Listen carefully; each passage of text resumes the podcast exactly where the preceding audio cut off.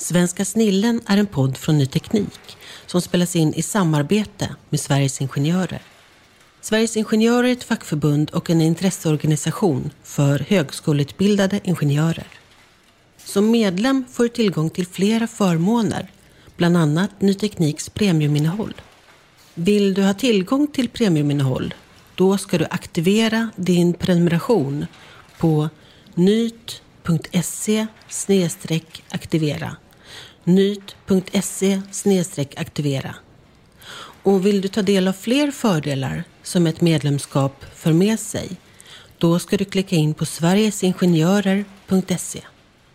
Sveriges Ingenjörer hälsar också att du som ingenjör gör skillnad för världen och att de ser till att göra skillnad för dig. Vi på Ny Teknik tackar för samarbetet med Sveriges Ingenjörer.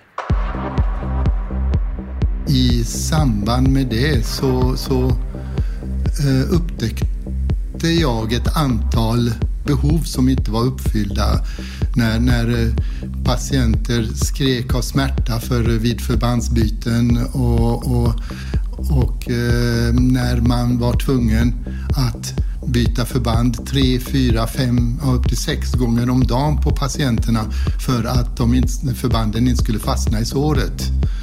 Så att eh, det var väl det, den idén som, som eh, levde i huvudet på mig eh, att det där borde man kunna göra någonting åt.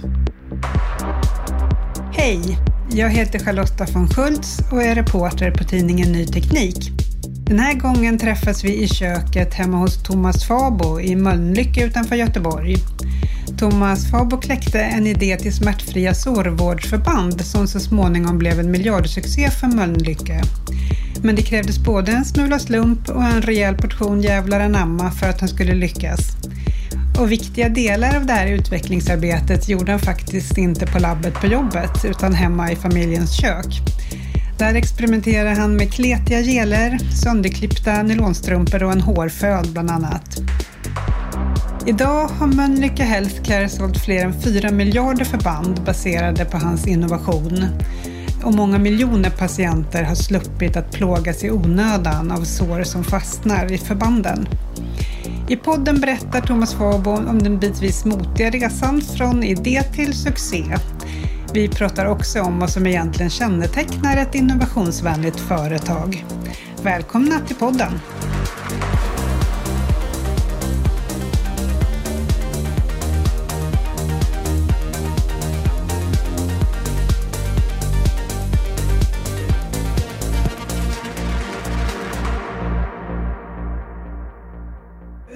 Ligger alltså bakom Mölnlyckes framgångsrika sårförband eh, som har lindrat smärta hos miljontals patienter och blev en miljardsuccé. Men vi tar det från början, för att jobba lite i motvind när det här togs fram. Så hur var det det började här i början av 80-talet och du hade kommit till Mölnlycke? Ja, det var en... Eh, det var mitt första jobb inom industrin egentligen. Jag hade jobbat i en kommun och, och, och landsting tidigare. Och eh, det jag upplevde var att eh, Mölnlycke var ett, väldigt, eh, ett företag med väldigt stor frihet för eh, produktutvecklarna. Vi, det var, de, vi hade förväntningar på oss att utveckla affären och utveckla produkter men det var inga stenhårda direktiv om vad, vad vi skulle syssla med utan hitta nya affärsmöjligheter var, var min uppgift egentligen. Och, och då var du, du var ute och besökte sjukhus för att hitta idéer, eller hur var det det gick till? Ja, alltså nu efteråt har jag förstått att eh, Mölnlycke var ett oerhört eh, innovationsvänligt företag. Man hade ett, eh, ett eh, klimat som var eh, gynnade innovationer väldigt eh, tydligt. Eh, man talade väldigt mycket om Mölnlyckes historia, alltså från ledningens sida. Man pratade om att, talade om att eh, eh, Mölnlycke alltid hade utvecklats genom eh, innovationer och där man förbättrade eh, någonting viktigt för sina kunder och eh, när det blev, och det blev nya produkter utav det produktsystem och till slut nya divisioner. Till exempel blöjdivisionen hade utvecklats eh, från bara en produktidé. Eh, Feminin-divisionen var också utvecklad från e-, enskilda produktidéer. Så att eh, det var, det var i den andan i företaget som jag började jobba. Hur kläckte du idén till det här, att, att det behövdes ett förband? Hur, kom, hur, såg du behovet? Ja, det handlade egentligen om att eh, från företagets sida så pushade man på oss att vara ute i vården så mycket som möjligt. Målet för oss eh, i, i vår grupp var att vara ute en dag i veckan skulle vi vistas ut och se på sårvård, se på, eh, eh, träffa kunder, eh, vara med vid såromläggningar. Och eh, i, i, i samband med det så, så eh, upptäckte jag ett antal behov som inte var uppfyllda när, när eh, patienter skrek av smärta för, eh, vid förbandsbyten och, och, och eh, när man var tvungen att byta förband tre, fyra, fem, upp till sex gånger om dagen på patienterna för att de förbanden inte skulle fastna i såret. Dessutom så förstörde man den läkande vävnaden när man bytte förband uh, uh, lite för sällan om, om man inte bytte i tid och inte var tillräckligt försiktig. Och, så att eh, det var väl det, den idén som, som eh, levde i huvudet på mig eh, att det där borde man kunna göra någonting åt. Hur tänkte du att man kunde lösa det problemet? Vad var din tanke? Ja, det var ju väldigt nära att tänka på något material som, som inte fastnar i såret. ja, teflonstekpannor kände man ju till skyddad mot vidhäftning. Sen hade vi våra skyddspapper på våra tejper som var silikoniserade papper som gjorde att vanliga tejper gick att lossa ifrån eh, från sitt skyddsfolie. Och då tänkte man på silikonmaterial. Så det var väl de eh, materialen som jag var ute och kik, letade efter men höll på, på länge och se om jag kunde hitta något lämpligt eh, material som var, eh, kunde fungera i sårsammanhang. Men jag måste säga att under ett, nästan ett års tid så hittade jag inget eh, lämpligt. Vi gjorde massa prototyper men, men det, det, de uppfyllde inte alla de krav som man kunde ha. Och vilka krav var det? Var det att det skulle det måste klara såren eller vad? Ja, det skulle, det skulle naturligtvis vara eh, ska, biokompatibelt. Det skulle inte fästa i såren när såren, eh, sårvätskan torkade in. Det skulle gå tekniskt sett applicera på och lägga på på förbanden. Och, och eh, men hela tiden eh, alla försök vi gjorde eh, hade några sådana svagheter som gjorde att vägen tycktes inte eh, vara framgångs eller möjlig. Och, och, och hur hittar du ett material sen med det rätta klibbet? Ja, till slut. Och det var, där, där är det ju en ren slump eh, då. Det var att en medarbetare eh, till eh, mig skulle gå i pension. Och eh, han eh, jobbade på labbet och eh, så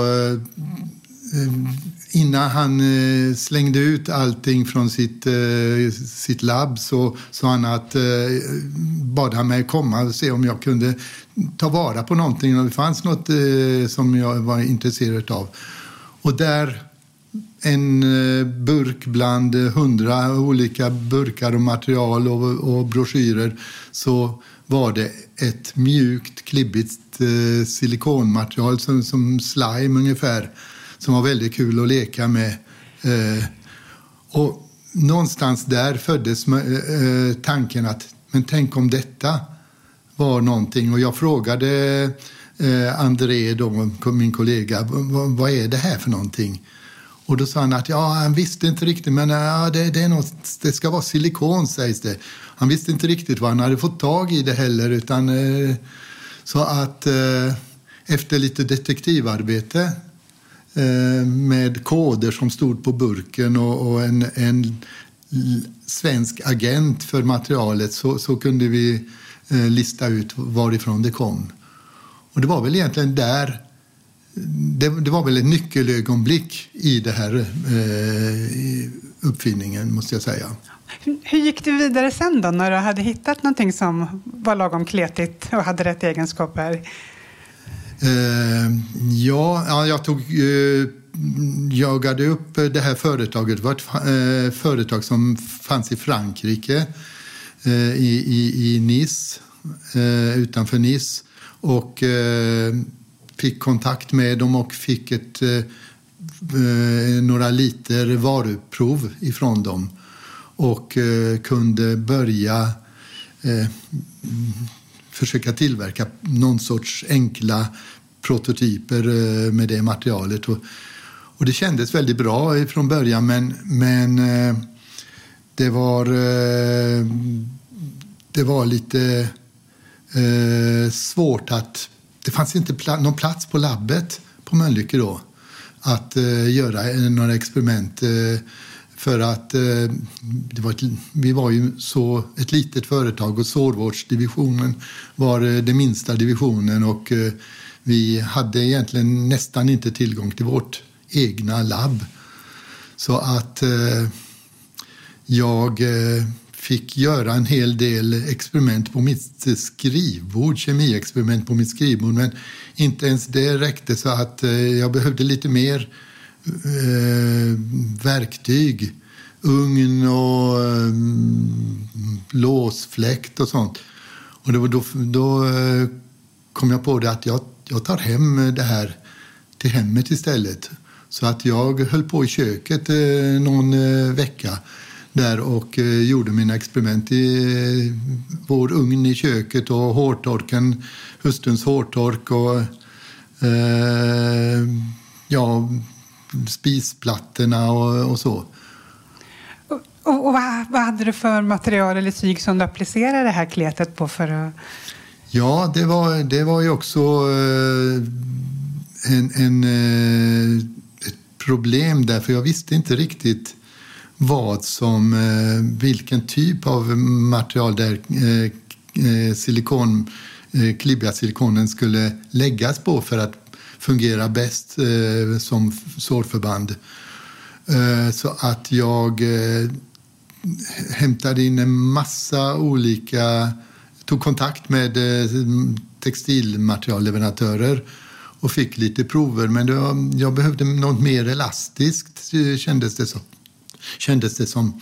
Så att jag, jag tog eh, även eh, döttrarnas eh, strumpbyxor och klippte sönder dem och till deras förtret men det fick ju kompenseras så småningom. Men det här gjorde du hemma, det, det var inte ditt huvudupp, din huvuduppgift på jobbet då eller? Du fick ta hem det? Och... Alltså man hade en väldigt stor frihet. Jag förklarade att eh, jag eh, behövde någonstans att vara och, och, och, det var inga, inga eh, det var min huvuduppgift eh, att eh, så att säga söka efter produktidéer.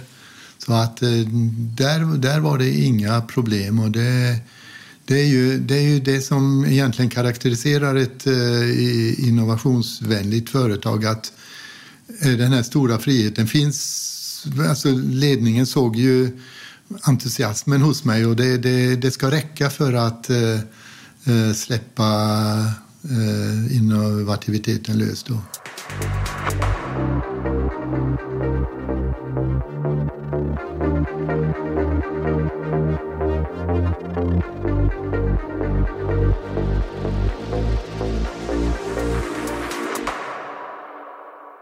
Som jag förstått rätt fick du inte så mycket finansiering och sånt i början till det här utan att... Nej, det som fanns det var en, en förståelse från ledningen och en, en vilja från ledningen att det skulle att eh, vi ska utveckla nya produktsystem och nya produktområden.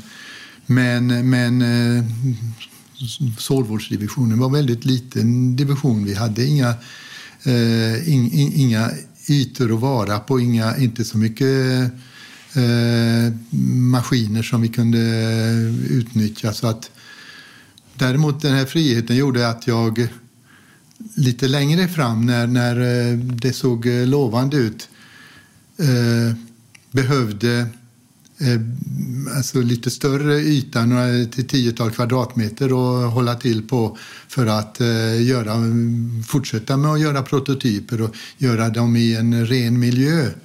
Så eh, tog jag helt enkelt kontakt med en ja, kompis på fastighetsavdelningen på Mölnlycke och vi kom överens om att vi skulle hyra in en sån här arbets bod eh, som vi ställde upp på, på eh, företagets gård eller eh, område längst uppe vid, en, eh, vid, vid, vid eh, bakre utgången på fabriksområdet.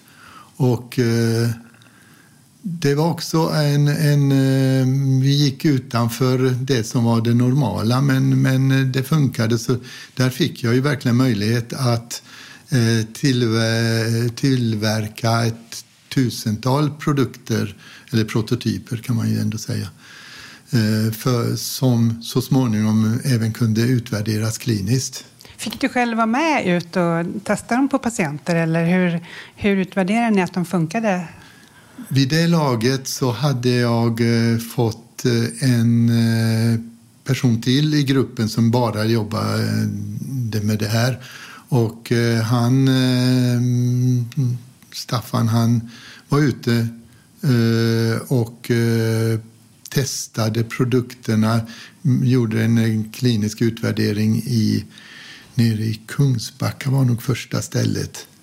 Eh, och eh, med spännande, bra resultat. Och, men det var liksom en fas 2-studie kan man säga. Men så, så det, det, det var uppmuntrande i alla fall.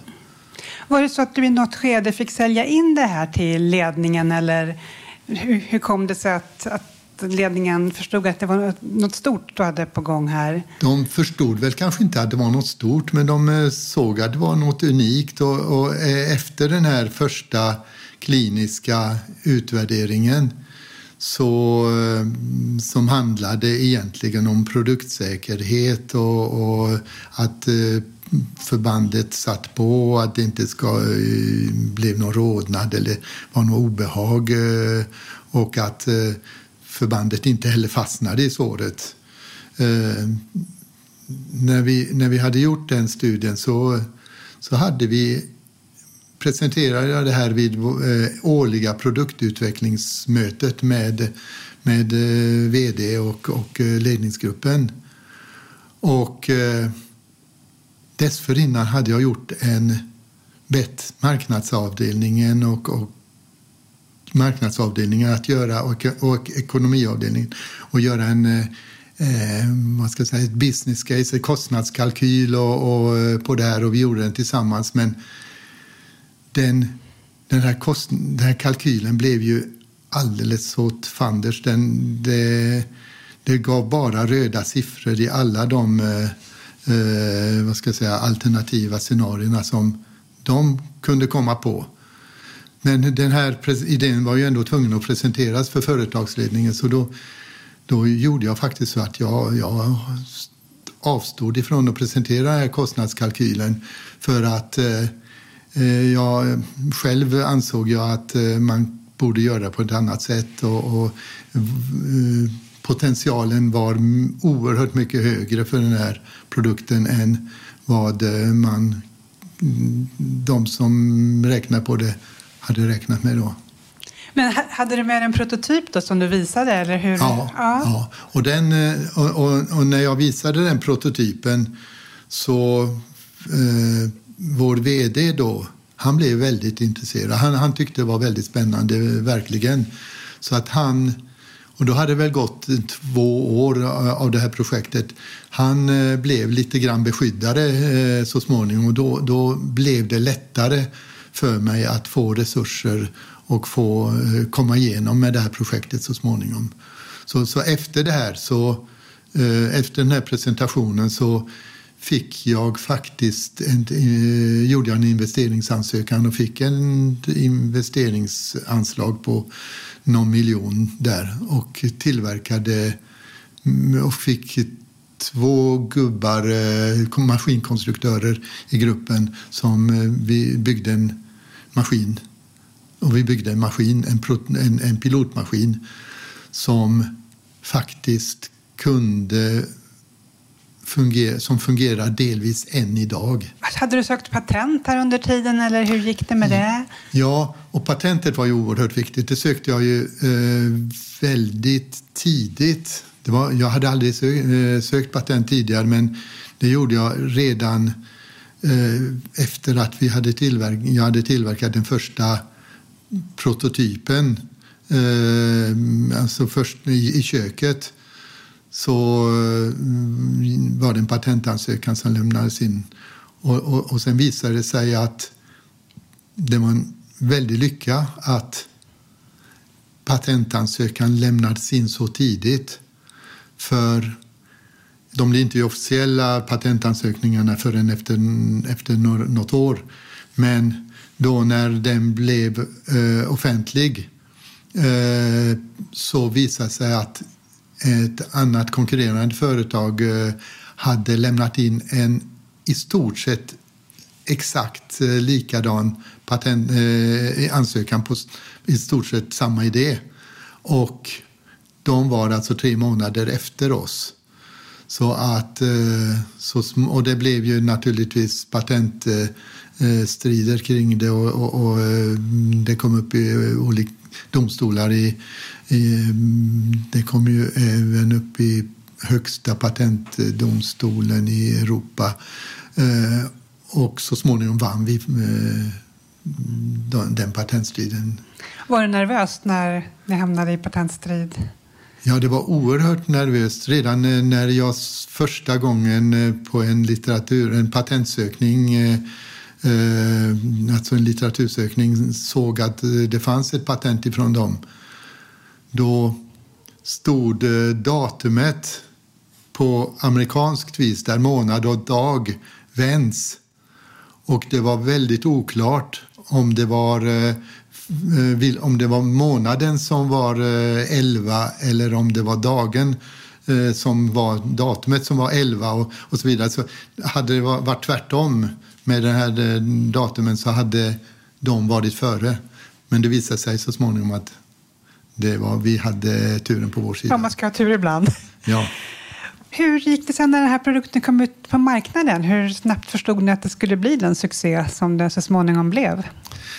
Nu var det ju en eh, produkt, en, den första produkten, en eh, silikon, eh, silikoniserat textilnät. Mepitel hade eh, eh, var, var varumärket då. Det hade Eh, det var en... Vi, vi försökte lansera den brett, men det blev en nischprodukt ändå till slut. Där vi lyckades vara vissa brännskador och vissa andra typer av öppna sår. Och eh, det blev ingen, eh, ingen jättestor produkt. Eh, och vi började väldigt eh, försiktigt enbart i Sverige, så det blev en hyfsat lönsam mm, nischprodukt för Mölnlycke eh, eh, som, som växte hyfsat eh, snabbt. Men eh, vi lyckades aldrig riktigt. Vi hade egentligen bara en säljare som sålde den produkten i hela Sverige och ja, kanske Norden också. Eh, men men det, var, det lyckades aldrig brett i Europa eh, från början. Utan det tog sig väldigt långsamt. Det som var nyckeln till det hela som gjorde att vi, den slog igenom det var att i England så hade man ett, ett eh, reimbursement-system vilket handlar om att eh, staten betalar för produkten så att patienten eh, inte behöver betala för produkten. Och i det systemet så lyckades vi eh, skapa en egen produktkategori med silikonförband Vilket gjorde att det var ingen konkurrent som kunde hamna i samma kategori vilket gjorde att vi fick en, ett eh, unikt spår in på marknaden. Så England blev en, en framgångsrik marknad så småningom efter några år. Men i de första tre åren efter lanseringen innan England hade kommit in då, då var det inte helt klart att man skulle satsa på, på den här produkten. Nej. Men efter Englands genombrottet så växte det ännu mer, eller vad hände? Nej, egentligen var det så att efter lanseringen då var det som sagt en nischprodukt. Efter lanseringen av den här första produkten då, eh, med Petel så blev det en nischprodukt. Men egentligen det som jag nästan är mest eh, vad ska jag säga, stolt över det var att jag efter ett tag började se på den här produkten inte som en, en, ett sårförband utan som en plattformsteknologi istället. Och jag, säg under ett års tid så bearbetade jag mm, chefer, ledning, medarbetare, kollegor eh, och, och liksom förklarade här, att det här behöver inte vara bara en produkt utan det kan bli en plattform för Mölnlycke med den här teknologin själva det materialet, silikonmaterialet som det var kanske inte dög till andra produkter. Men det där kunde ju också utvecklas eh, och ges nya egenskaper. Så att, eh, så att efter ett års lite mm, vad ska jag säga, bearbetning av, av eh, medarbetarna och kollegorna och ledningen så är jag stolt över att jag gick upp till eh, eh vdn eller eh, divisionschefen och eh, föreslog att om han gav mig en grupp på tre, fyra personer, fyra personer sa jag nog, eh, och så skulle vi under en fyraårsperiod om vi fick den friheten att ta fram nya produktkoncept baserade eh, på den här teknologin så skulle vi ta fram fyra bra produkter på den här, mm, mm, inom den här plattformen och skapa en, en egen enhet på, på, på detta, för det fanns potential, eh, såg jag. Och till min förvåning, trots att sårvårdsdivisionen då visade faktiskt lite röda siffror så fick vi eh, göra den satsningen. Så jag fick alltså till, inom ett halvårs tid så hade jag anställt eh, fyra personer i, med, i, i den här gruppen med olika specialiteter. En var duktig på det här med medicin, någon var duktig på mer, eh, mer mot marknadshållet.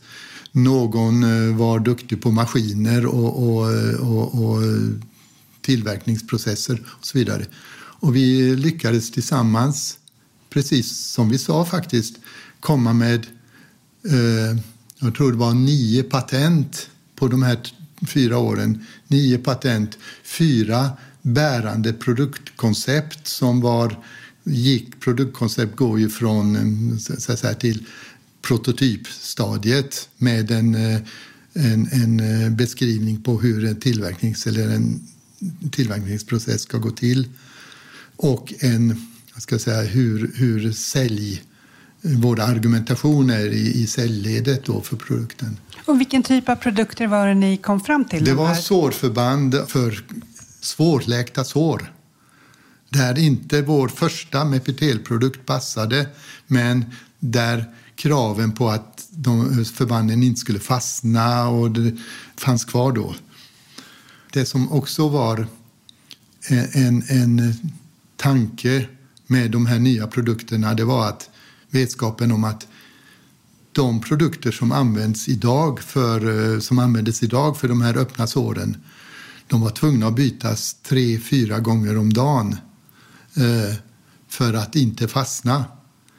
vår idé var att vi skulle ta fram produkter som kunde sitta på en hel vecka eller i alla fall en tre, fyra dagar.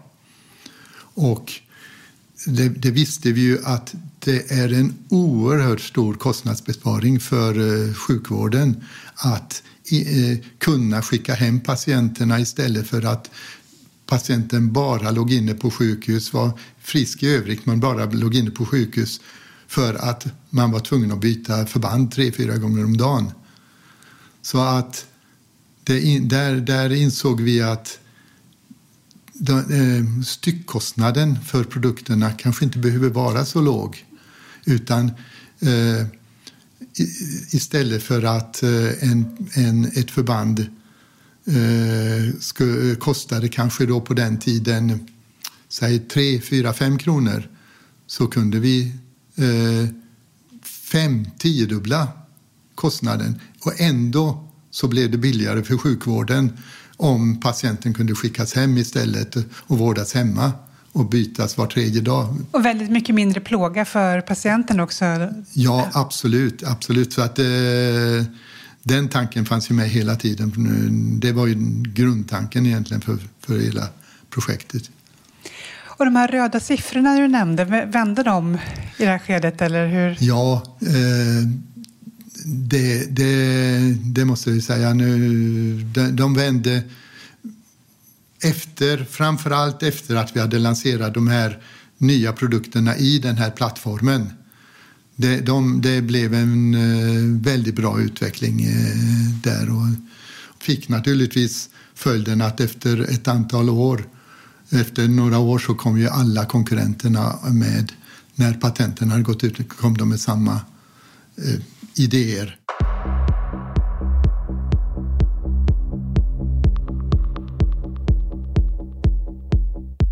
Ifall du ser i backspegeln, vad, vad var den största utmaningen för din del? Man kan säga så här att våga ändå gå sin lite grann en egen väg. Det var jag medveten om. Det är ju ett risktagande. Jag menar, eh, det kunde mycket väl ha mm, eh, naturligtvis eh, gått åt, eh, åt andra hållet med den här utvecklingen, med det här projektet. Och, och jag mm, ja, det var ju inte alla, det var inte alla som tyckte att det var någon idé att fortsätta med det här eh, projektet eh, eh, eller börja med det ens. För att, så, så, så, det var väl den största utmaningen att våga gå sin egen väg måste jag säga. Jag tyckte det var så spännande, jag tyckte det var så så, så unikt det här så det, jag kunde inte låta bli. Och, och de som inte trodde på idén i början, vad, vad hade de för invändningar? Ja, det var högst relevanta invändningar, eh, absolut. Jag eh, kanske hade gjort, eh, sagt samma sak om det inte hade, jag inte hade sett den här idén från början. Bland annat att precis i samma veva, eller något år, ett år efter jag började med det här, så leverantören av den här, det här silikonmaterialet, det var de, den leverantören som tillverkade eh, silikonmaterial till bröstimplantat som blev stämd av ett stort antal kunder för att det här bröstimplantatet eh, eh sprack och, och man eh, hävdade att det gav eh, cancer och, och, och, så vidare. Och det var exakt ja, exakt samma materialfamilj i, det, i det, de bröstimplantaten som det är i det här förbandet. Och det tog ju många år innan ja, företaget gick till och med i konkurs. Eh, ett stort eh, amerikanskt eh, företag men eh, blev räddad av de, den speciella lagstiftningen som finns kring konkurser i USA och fick fortsätta då. Men men eh, det var alltså samma typ av material eh, och det tog alltså tre, fyra år innan det blev klart att de inte hade orsakat någon eh, cancer eller någon annan biologisk skada. Däremot stämde det att vissa bröstimplantat sprack men det var ju en, mer en mekaniskt eh, fel i dem. Det var inget ni behövde vara oroliga för i plåstren? Nej, Nej, inte då. Men det var det vår, vår eh, säkerhetsansvarige, produktsäkerhetsansvarige och högsta utvecklingschefen. Eh, vi hade ett möte med honom tidigt i, i, i projektet. Tyckte att jag skulle avbryta. Men där har vi någonting som är un, unikt för ett innovativt företag jag kunde ändå fortsätta med projektet eh, trots att de tyckte att det var, det var för stor risk att, eh, att lansera en sån här produkt och att gå vidare. Men, men den friheten hade vi att eh, kunna gå vidare ändå. Det låter ganska fantastiskt. Ja, det var... Nu, nu sa de inte ett absolut stopp, att, eh, en order, men de tyckte inte att det var värt att fortsätta i alla fall. Eh, det var så mötet avslutades. Var det enda invändningen de hade kring materialet eller var det någon, några andra mothugg du fick där innan? Ja, alltså kostnaden naturligtvis, eller, eller eh, vad ska jag säga, förut, marknadsförutsättningarna.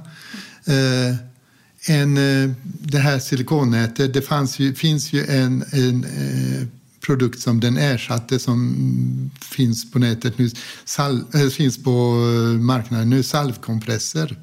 Det är alltså ett textilmaterial som är indränkt i vaselin. Och vår, eh, vår produkt var, är en, en textilmaterial indränkt i en gel, en silikon, en mjuk silikon men inte någonting som kletar av sig utan det ligger kvar på, på nätet. Så att de liknar varandra lite grann, används i samma, eh, har, har ungefär samma användningsområde. Och den produkten kostade en krona styck. Och, och när eh, man från eh, ekonomiavdelningen och eh, marknadsavdelningen räknade på ett business case på det här så räknar man så här att okej, okay, det här kan bli en, eh, en, en exklusiv produkt inom det området. Så de räknar med att man kan öka priset med 25 procent över marknadspriset på det här. Eh, idag tror jag priset är tio gånger så mycket per styck mot Eh, så att säga, vad vi räknade med från början. Men marknadsavdelningen tog inte med i kalkylen det här då att man behövde byta så mycket mer sällan och spara pengar på det? Nej, inte, jo, lite grann, men inte, inte i den omfattningen. Eh, inte i den omfattningen. Eh, och, ja, jag, jag måste säga, jag, jag vill inte skylla på dem för jag, jag visste väl inte heller eh, detta och samma med, med hur, hur, hur produkten kunde prissättas. För att jag menar, det här priset på det högre priset som är tio gånger mot en salvkompress, det, är ju, det handlar ju om att det här silikonmaterialet kostar ju, säg hundra gånger mer än den här salvan kostar och, och tillverkningsprocessen är oerhört mycket dyrare. Så vi hade ju aldrig, det, det, det, hade inte gått att få ekonomi i det om vi hade eh, tillverkat det på, på det viset som vi räknar med i första business caset. Om man ser till din egen personliga drivkraft, vad, vad var det som eh, drev dig till att, att kämpa vidare med det här?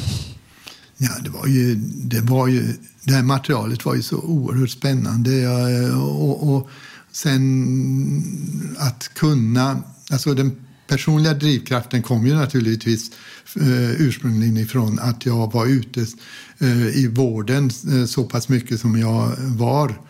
Eh, en dag i veckan. Jag reste i Tyskland med våra tyska säljare och såg, såg eh, eh, patienter som bara för ett enkelt förbandsbyte var tvungna, tvungna att behandlas med, eh, med starka smärtstillande preparat opioider och, och, och ändå skrek så att säga av, av smärtan vid, vid förbandsbytena och så visste man att det här skulle ju de få göra om en eller flera gånger om dagen i några veckors tid framöver. Så det, och, och, så, så att de, de patientmötena var ju nog en väldigt stark kraft. Om man säger i efterhand, vad var framgångsreceptet? För det låter som att du hade en tydlig vision och du var väldigt envis. Och så hade du lite tur. Eh. Ja, alltså det här med tur, det är ju rätt intressant. Eh, jag eh, vet att, och, och, tur, det måste man ha. Eh, men jag, jag, jag, tror att tur, det är faktiskt någonting som man kan påverka. Men jag, jag tror att eh, Ingemar Stenmark, när han hade åkt ett stort, eh, och eh, vunnit ett stort antal lopp i följd, jag tror om det var 8, 9, 10 lopp i följd, så blev han en gång tillfrågad eh, hur, hur länge han trodde att turen skulle hålla i sig. Och då sa han att eh, ja, tur, jag, jag, vet inte så mycket om tur, men jag har märkt att ju mer jag tränar, desto mer tur får jag. Och nu kom, jag tror inte att det här citatet kommer egentligen ursprungligen från honom, för han hade nog hört det från någon annan. Men, men jag tror att det gäller eh, samma sak här. Är man ute tillräckligt mycket och ser tillräckligt mycket av problemen och eh, hämtar in eh, så att säga, för, förståelse för kundbehoven samtidigt eh, är på den tekniska sidan och håller sig uppdaterad med vad det finns för materialmöjligheter och nyfiken och tittar på allt som går att titta, hitta. Så, så någon gång så gör man den, en koppling mellan kundbehov och teknikmöjlighet. Och det är det som är en uppfinning egentligen. Jättebra sammanfattat. Och hur var det du gick vidare sen på Mölnlycke? För visst fick du starta en egen grupp där som hette Columbusgruppen och fick ganska fria händer. Så ja. Berätta vad ni gjorde. Ja, alltså efter den här första konceptutvecklingsgruppen eller utvecklingen som vi hade och utveckla den här eh, produktplattformen så, så såg man ju att det här var ju en, eh, en eh, eh, möjlighet, en intressant sätt, arbets, eh, ett intressant arbetssätt. Så att då bildade vi en fortsatt eh, utvecklingsgrupp eh, som hette Columbus. Och eh, vi var alltså skyddade kan man säga mot, mot eh, våra resurser var skyddade. Man fick inte plocka några, några resurser från oss eller några eh, uppdrag, eh, ge våra gubbar några uppdrag då, utan eh, det var... Eh, vi fick jobba skyddat och vi, eh, under ett antal års tid så tog vi fram ett eh, eh, antal patent och ett antal eh, produktidéer. Då. Var det någonting som blev produkter i slutändan av det ni kom fram till i den gruppen? Numera finns några av de produkterna på marknaden. Ja, det blev, ska säga om jag ska räkna efter. Ja, en tre, fyra eh, produkter finns det som, där vi jobbade upp eh, produktkoncept. Det är alltså till första prototypen där man kunde börja räkna på eh, så att säga, möjligheten till eh, en framgång på marknaden. Och varför hette ni Columbusgruppen? Vad var historien ja, bakom namnet? Ja, det, är ju, det, det är ju, handlar ju om att vi ville upptäcka någonting nytt, precis som Columbus. Men vi visste att när man söker så ofta det bästa man finner det är ju någonting annat än det man söker efter. Och det var ju samma med som Columbus gjorde. Han ville upptäcka Indien och, eller Kina eh, och men upptäckte Amerika istället som blev något helt annat, men inte fel för det. Blev det något sånt i er grupp att ni upptäckte någonting annat än vad ni var ute efter? Ja, det blir ju nästan alltid så att eh, först vet vi inte riktigt vad vi söker efter. Vi söker efter kopplingar mellan kundbehov som vi ser, grundläggande kundbehov och teknik, tekniska möjligheter. Och det är alltid där uppfinningar egentligen uppstår i en bryt, i, i, i en eh, gränslinje mellan två olika säg, kompetensområden. Oftast är det inte någon helt ny teknologi i en uppfinning eller det är väldigt sällan det är någon helt ny att man jobbar med att utveckla en teknologi från grunden utan det är någonting som redan finns på marknaden och redan finns eh, så att säga, beskrivet. Men som kopplas till någonting oväntat från ett annat område. I, I vårt fall var det medicinen eller sårvården där det fanns ett behov av att inte fästa.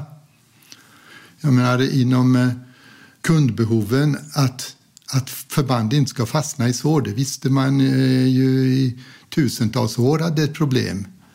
Men, och det här med silikonmaterialet, det här silikonmaterialet som vi jobbade med, det uppfanns just för att eh, skydda mm, elektroniska apparater och gjuta in elektronik i det här silikonet. Och det uppfanns eh, vid, för, eh, ja, vid andra världskrigets början eller, no eller någonting där. Så att eh, båda sakerna fanns på marknaden fanns eh, tillgängliga. Men det gäller ju att koppla ihop dem. Ja. Det är då uppfinningen uppstår. Gjorde ni någon ny sån koppling i, i din Columbusgrupp? Absolut. Det var eh, ett eh, material som skulle läggas i såret som var i vätskeform men som när det kommer i såret bildade en, en, en, eh, eller bildade en fast gelartad material. Det var eh, någonting som vi eh, jobbade med. Och det var framförallt den, den, den produkten vi lyckades med. Det var en, en eh, produkt som skulle läggas kring såret för att skydda mot läckage eh, utifrån såret. Det lades som en, en eh, eh typ tandkräm eh, någon, runt såret och som efter eh, någon minut stelnade till mjuk, ett mjukt material och skyddar från eh, läckage i sidled. Och det kunde fungera även på väldigt konstiga, svåra ytor. Eh, plana ytor är normalt inga problem med, men svåra ytor som fingrar och, och händer och tår och fötter, det, där har vi nytta av det. Blev det några floppar också? Eller? Ja, eh, det var väl någon, några produkter som gick, till, gick väldigt långt. Några uppfinningar eller några nya produkter som gick väldigt långt. Inte så att vi hade en produktionsmaskin men i alla fall till att vi hade, var ute på rätt stora kliniska utprövningar där vi beslöt att eh, stoppa projekten för att ja, värdet för kunden var inte tillräckligt stort. Hur känns det när man kommer till det läget? Alltså just i, då vid beslutsögonblicket att nu stoppar vi det så känns det väl inte, det är väl inte så kul. Men samtidigt, eh, man vet ju, alla som jobbar i, i den här branschen vet ju att många projekt måste stoppas. Och det är bra att stoppa projekt i tid. För att då kan man göra något annat istället.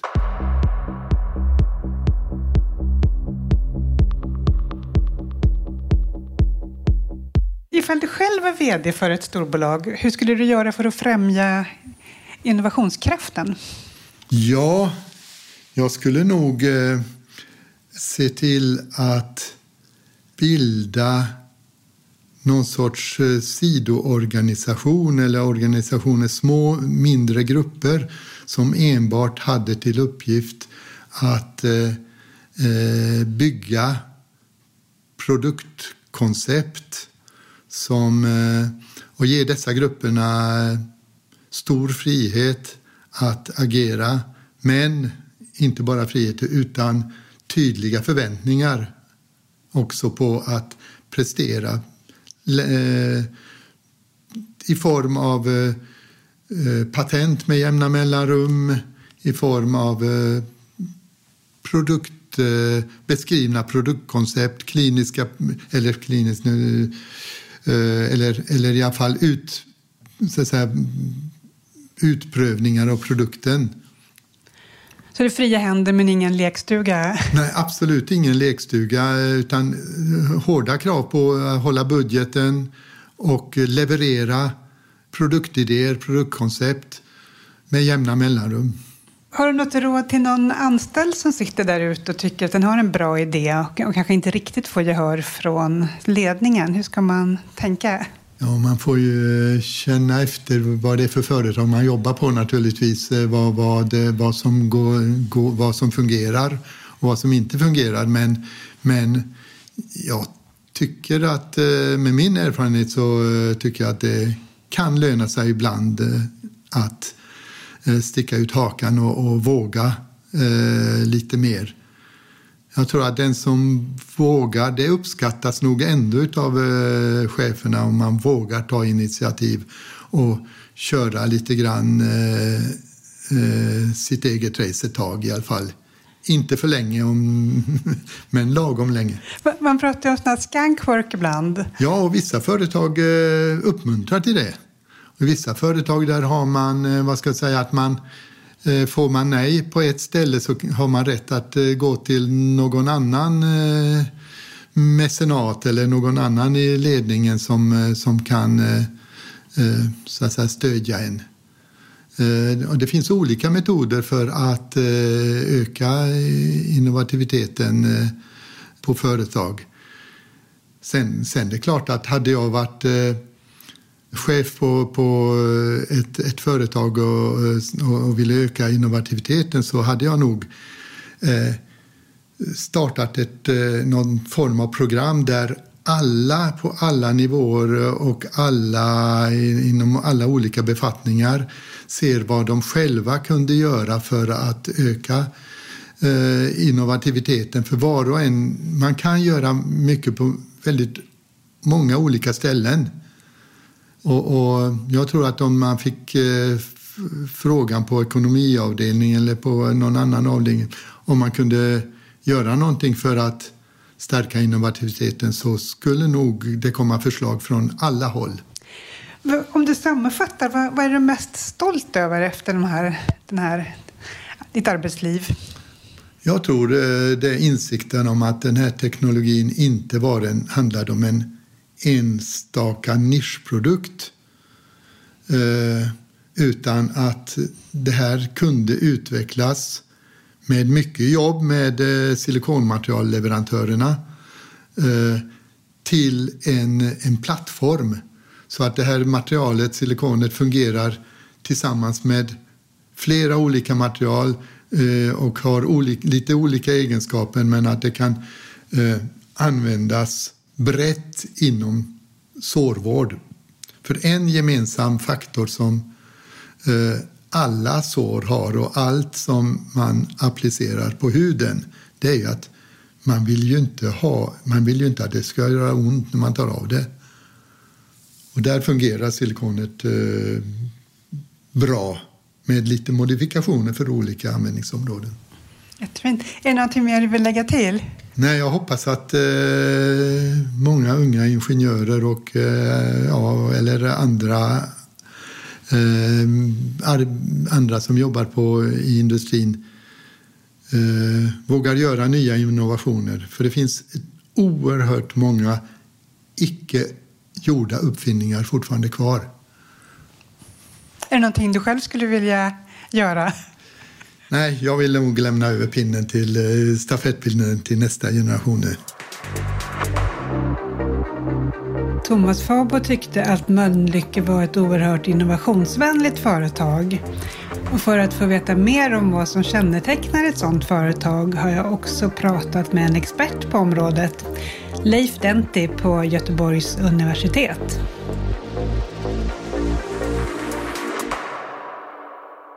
Heter Leif Dente. Jag är forskare på Göteborgs universitet på psykologiska institutionen där. Eh, och eh, jag forskar på det här med psykologin bakom innovation, som det heter. Eh, och det kan ju handla om liksom individuellt. Vad är, det för, vad är det för personer som är involverade och hur funkar de? Och, hur funkar det i grupper? Hur kan man strukturera en innovationsprocess? Och, hur funkar kreativitet? Ja, det är massa saker. Kultur, det mesta som man kan tänka sig har att göra med psykologi just. Ja, äh, så att, eh, det är mitt specialområde. Ja, men det låter jättespännande. Eh, men kan du säga vad som karaktäriserar ett innovationsvänligt företag? Ja, det finns ganska mycket forskning på det här. Man har liksom tittat på... Det finns två stycken metaanalyser framför allt som, eh, som har samlat... Den första samlade från forskning från 60-talet upp till 90-talet och sen så var det en eh, från 90 till 2012. Och eh, det coola med dem det är att de har liksom, vad ska man säga, bekräftat ett mönster som framträder då när man eh, tittar på liksom all forskning som finns kring vad som kännetecknar innovationsvänliga företag. Och sju stycken faktorer eh, framträder och sen är det två stycken som inte riktigt, eh, vi inte riktigt vet så mycket kring så vi kan kanske ta dem senare då. Spännande. Eh, de, tre, de tre första har att göra med faktiskt eh, företagets kompetens. Alltså om det finns rätt kompetens på plats i företaget. Um, det är ju så trots allt att man kan inte göra särskilt banbrytande upptäckter om man inte har spetskompetens. Det var ju det som eh, Newton sa, jag står på giganters axlar. Liksom. Eh, och så gör man små myrsteg framåt hela tiden och bryter ny mark. Va? Ehm, så att kompetens är de tre första. Dels är det hur varierad kompetens, det är den första av de här sju faktorerna som finns. Och sen är det hur djup kompetens som folk har. Och sen för det tredje är det tillgång till kompetens som man kanske inte för tillfället har men som man kan ta reda på. Man, det kan ju vara ett nätverk till experter, det kan vara bibliotekssystem som typ på universitetet till exempel finns det ju, uh, har vi en sån här databas då där vi kan leta efter papers och sådana saker. Uh, då har jag liksom tillgång till kompetens om jag skulle behöva ha kompetens då. Så att de tre är de första.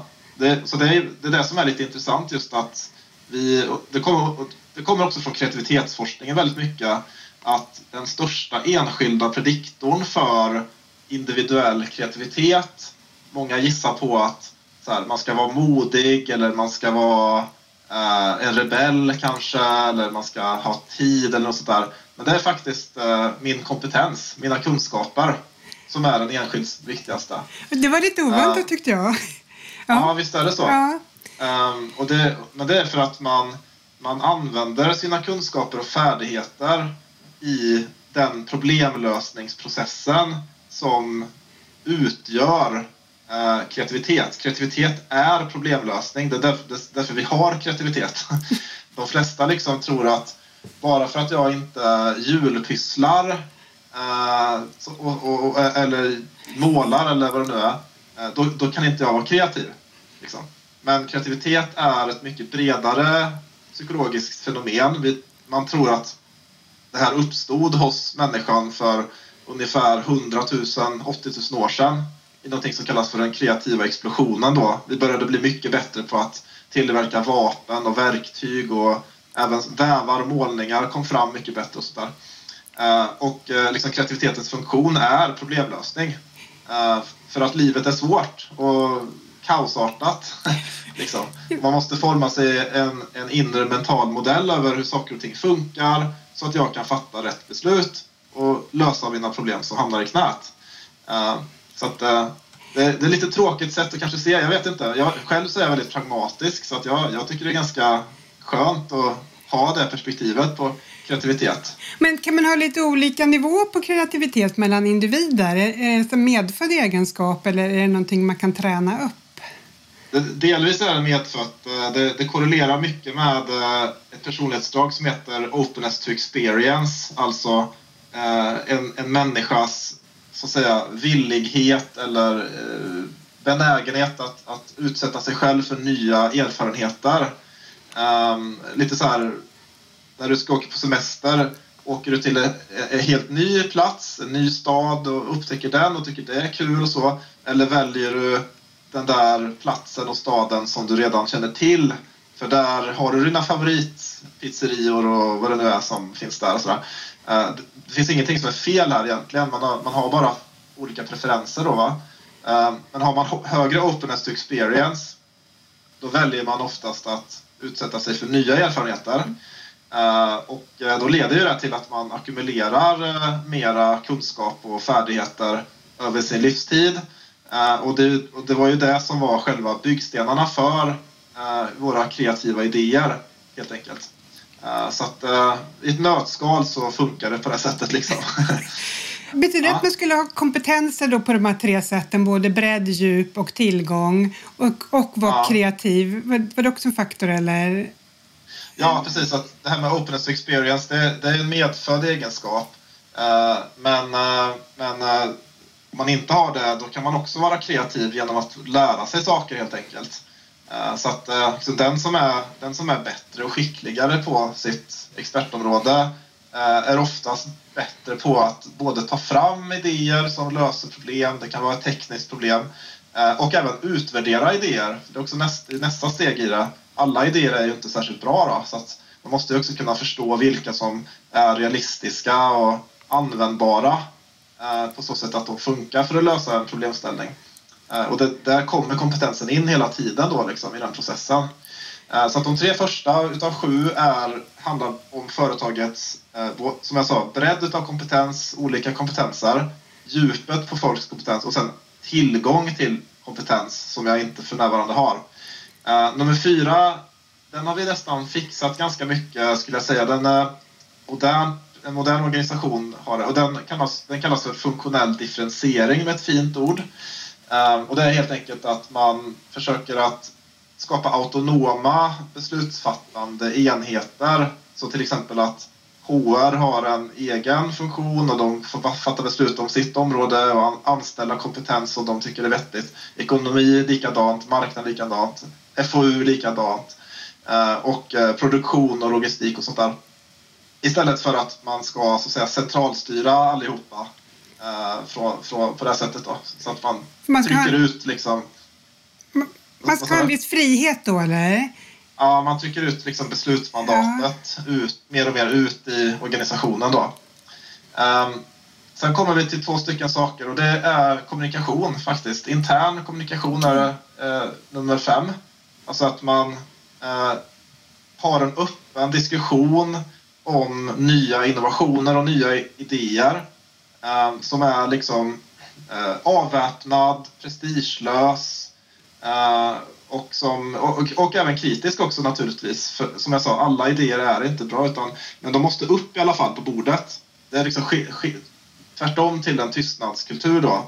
Utan här är det en sprakande, livlig kultur där man liksom diskuterar och pratar om nya idéer hela tiden. Ehm, plus att man känner många, eh, det ingår också i det här intern kommunikation, att man känner många olika bekantskaper runt omkring i organisationen. Ehm, vilket också då främjar utbytet av kompetens. Det blir lättare att hitta hjälp eh, om man har kört fast någonstans. Ehm, om man, om man vet vem man ska ringa, så att säga. Så att just att liksom skapa bekantskaper så att folk känner till varandra och vad man, vad man jobbar med. Så där verkar också vara väldigt, väldigt viktigt för en organisation. Då.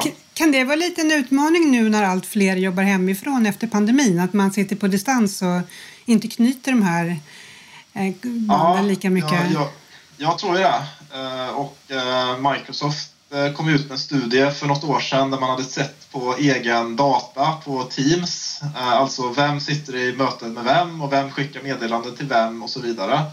Att folk helt enkelt slöt sig. Man samarbetade mer intensivt med sitt eget team eller domän eller vad vi ska kalla det för.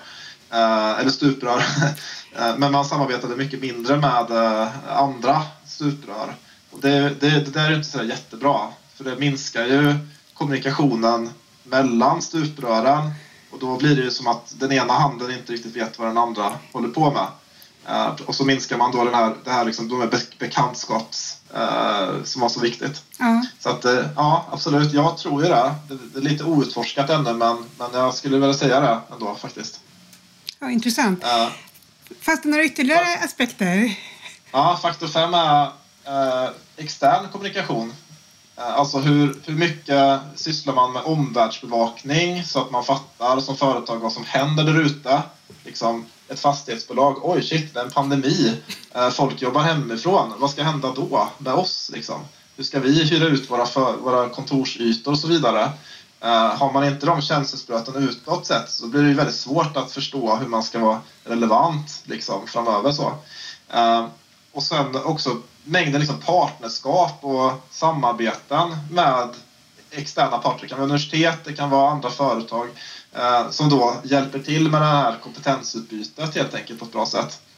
Eh, och sen nummer sju är ju helt enkelt ledningen och i synnerhet ledningens inställning till förändring. Alltså uppmuntrar man kommunikation och eh, innovation? Vill man ha sånt? Eller vill man mera förvalta och effektivisera och optimera den affären som redan finns idag? Och där är det ju, från ett ledningsperspektiv är det jättekrångligt för att man, man har liksom två händer man ska försöka hantera. Den ena handen är dagens affär som vi har blivit framgångsrika på och som vi tjänar pengar på och som våra aktiesparare eller aktieägare förväntar oss att leverera på och så vidare. Eh, och den handeln den kräver ju liksom ett, ett slags optimeringstänkande eh, där, där saker och ting ska bli billigare i varje process och så vidare.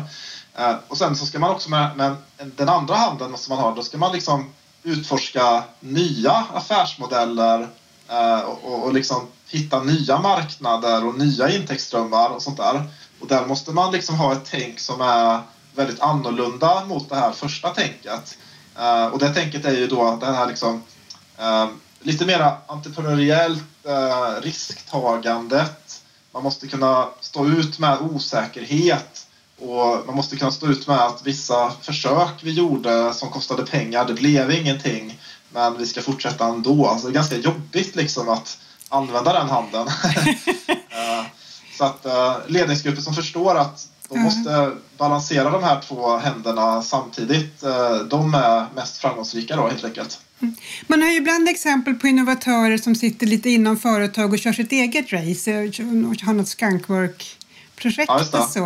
Hur, hur vanligt är det och är det någonting som ska uppmuntras? Jag vet inte hur vanligt det är. Jag tycker att det ska uppmuntras. För att eh, det handlar ju ändå om liksom, passioner som folk har. Eh, och eh, man, hur ska man förhålla sig till det egentligen? Jo, jag tror det viktigaste är att man som, som ledning eller chef eh, är tydlig på vilken typ av innovationer eller projekt, e, egna projekt som folk sysslar med. Så att, man inte, så att inte folk sysslar med precis vad som helst. Utan att man ger dem en riktning helt enkelt. Um, och sen så tycker inte jag att det är fel. Det är min personliga åsikt såklart. Ehm, men jag tycker man ska ha passionsprojekt för sig. Ehm, för att man har ju sett historiskt att det är ganska många sådana här passionsprojekt som eh, visar sig lyckas lite halvt och så får man support och flera blir intresserade och, liksom, och så kan det bli en affär till slut för företaget. Så att men det är återigen det här, de här två händerna. Hur mycket ska jag mm. styra folk på att leverera på dagens leverans och hur mycket utrymme ska jag ge folk att själva eh, komma på nya idéer och, och, följa sina passioner på det sättet. Kan du ge några svenska exempel på när man har lyckats med Skunkwork som har blivit framgångsrika? Ja, eh, alltså jag, här, jag vet inte egentligen men det sägs ju att Ericsson bygger historiskt sett har ju byggt mycket på liksom, passionsprojekt som, som individuella eller grupper man har suttit med. Um, så att uh, det, det, kan vara sådana saker. Um, en kompis till mig jobbar också med solcellsutveckling och där, liksom, det är klart att de, de, de vill försöka deras huvudidé är ju att printa solceller på eh, film helt enkelt, så här, liksom plastfilm då som man kan sätta upp eh, eh, så att man kan köra liksom så här, sensorer och andra mindre eh, prylar på solceller istället för batterier och sånt där. Eh, så att, och det där var ju liksom ett passionsprojekt från en forskare från början på Linköpings universitet som sen liksom blev eh, att de startade företag på detta. Då. Eh, så att, eh, ja, kommer inte på någonting bra på rak arm. Ja, det är jätteintressant. Den här Thomas Fobo som jag har intervjuat då, eller träffat, han, han berättade att han fick dels väldigt stor frihet och att han samtidigt hade höga förväntningar på sig att han skulle kreera nya produktidéer. Plus ja. att ledningen såg hans entusiasm och eh, uppmuntrade det. Det låter som det ja. spelar lite ihop med det du berättar ja, här. Ja, ja, faktiskt. Just det här liksom, tydliga förväntningar, tydlig riktning för vad, vad, vad för slags produkter är det som vi mm. vill se här. Uh, men sen tror jag att det är viktigt att ge en hel del frihet. Uh, för att uh, det är ju i den friheten som man får, det är ju där som liksom, det som kallas för inre motivation. Alltså att jag, jag vill titta på sådana här frågor och jag vill kreera saker Uh, därför att jag själv tycker det är intressant. Uh, eller att jag själv tycker att det är roligt eller att jag själv tycker att det är spännande eller att jag kan lära mig saker. Inre motivation är mina orsaker till varför jag företar mig en viss sak.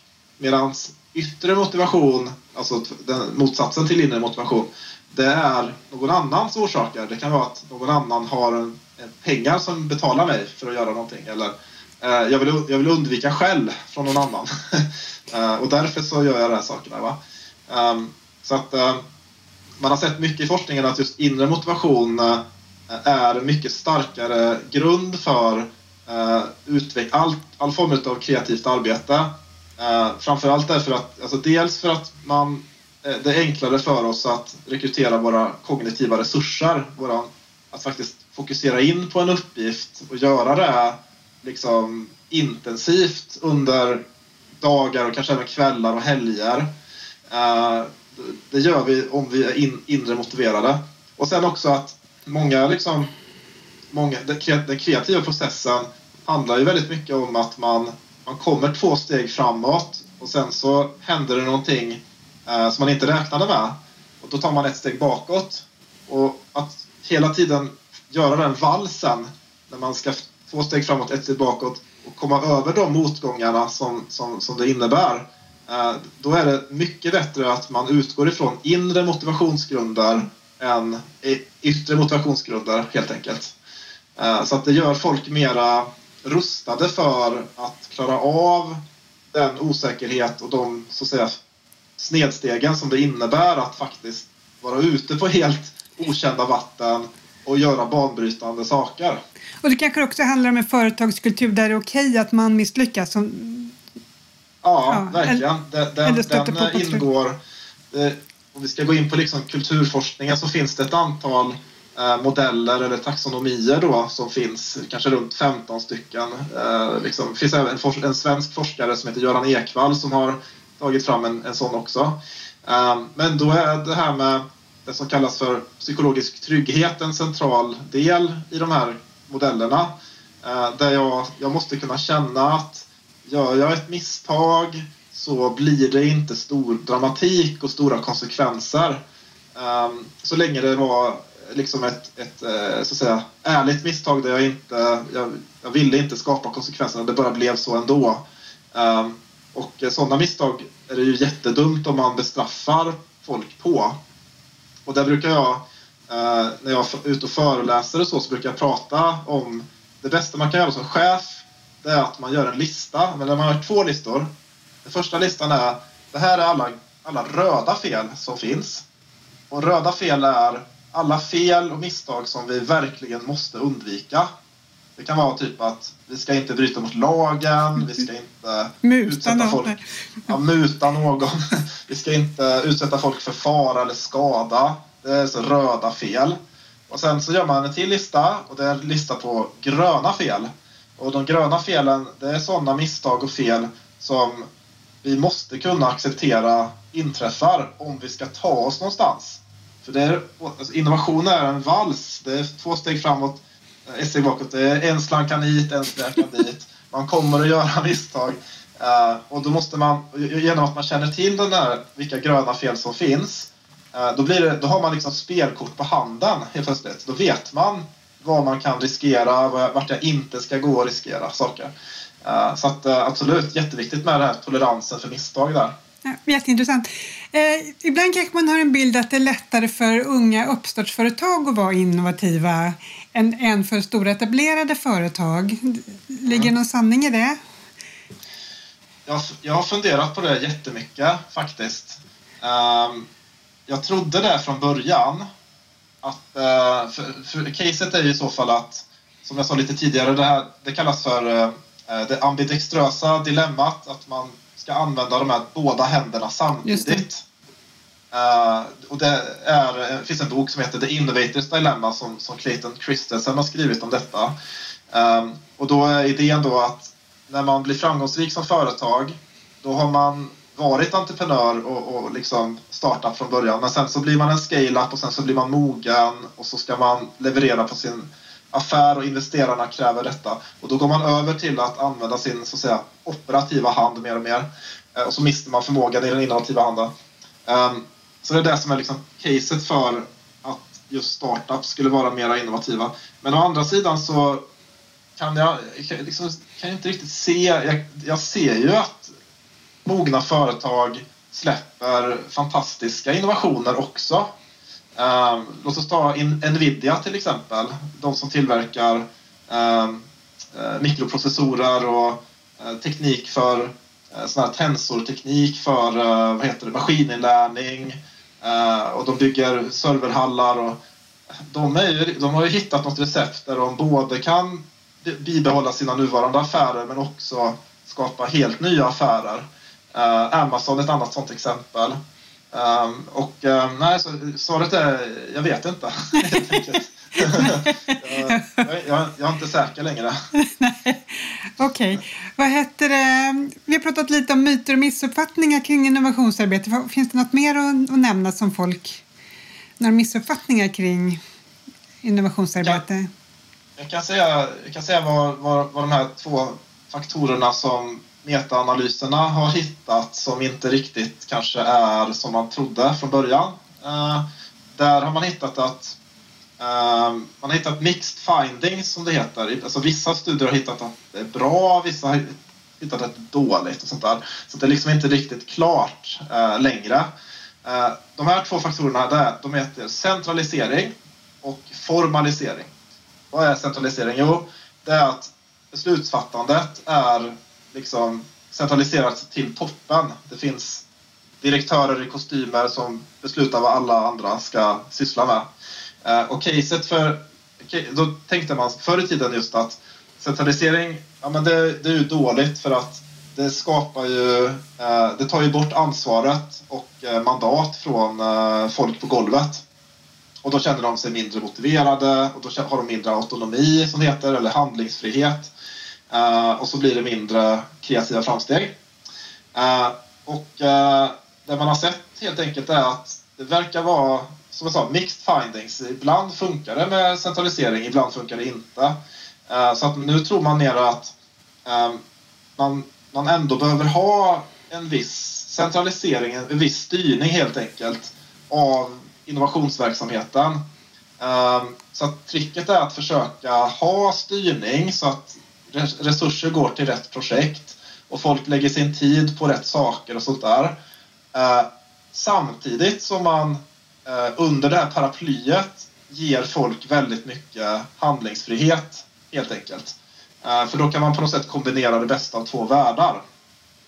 Samma sak med formalisering som är då, om det är väldigt mycket formalisering, då finns det mycket rutiner och processer och Excel-dokument som ska fyllas i och mallar och liksom alla de här grejerna som finns i organisationen.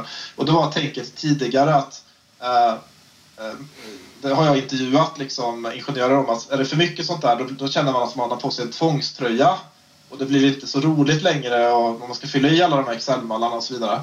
Um, och då återigen sänks motivation och kreativitet och sådär. Um, men samtidigt så är det ju så att det är samma sak, man måste ha en viss struktur ju ändå. Uh, så att vi kan mäta och förstå uh, våran throughput på våra olika innovationsprojekt. Uh, så att vi helt enkelt sysslar med rätt saker och, och använder rätt metoder och sådana saker.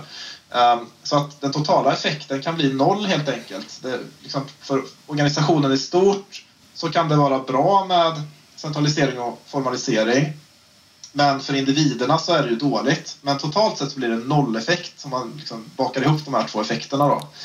Uh, så att, som jag sa tidigare, tricket är att försöka ha struktur men inte för mycket struktur utan även tillåta frihet helt enkelt. Ja, det är en balans man ska få till där. Ja, ja. precis. För, vad tittar du själv på i din forskning just nu? Just nu så tittar jag på eh, ganska många saker faktiskt. Jag tittar på hur eh, man kan sätta upp ett hybridarbets eh, vad säga, kontor slash hybrid, hybridkontor Eh, så att folk eh, upplever självledarskap eh, och, och inte måste styra så mycket.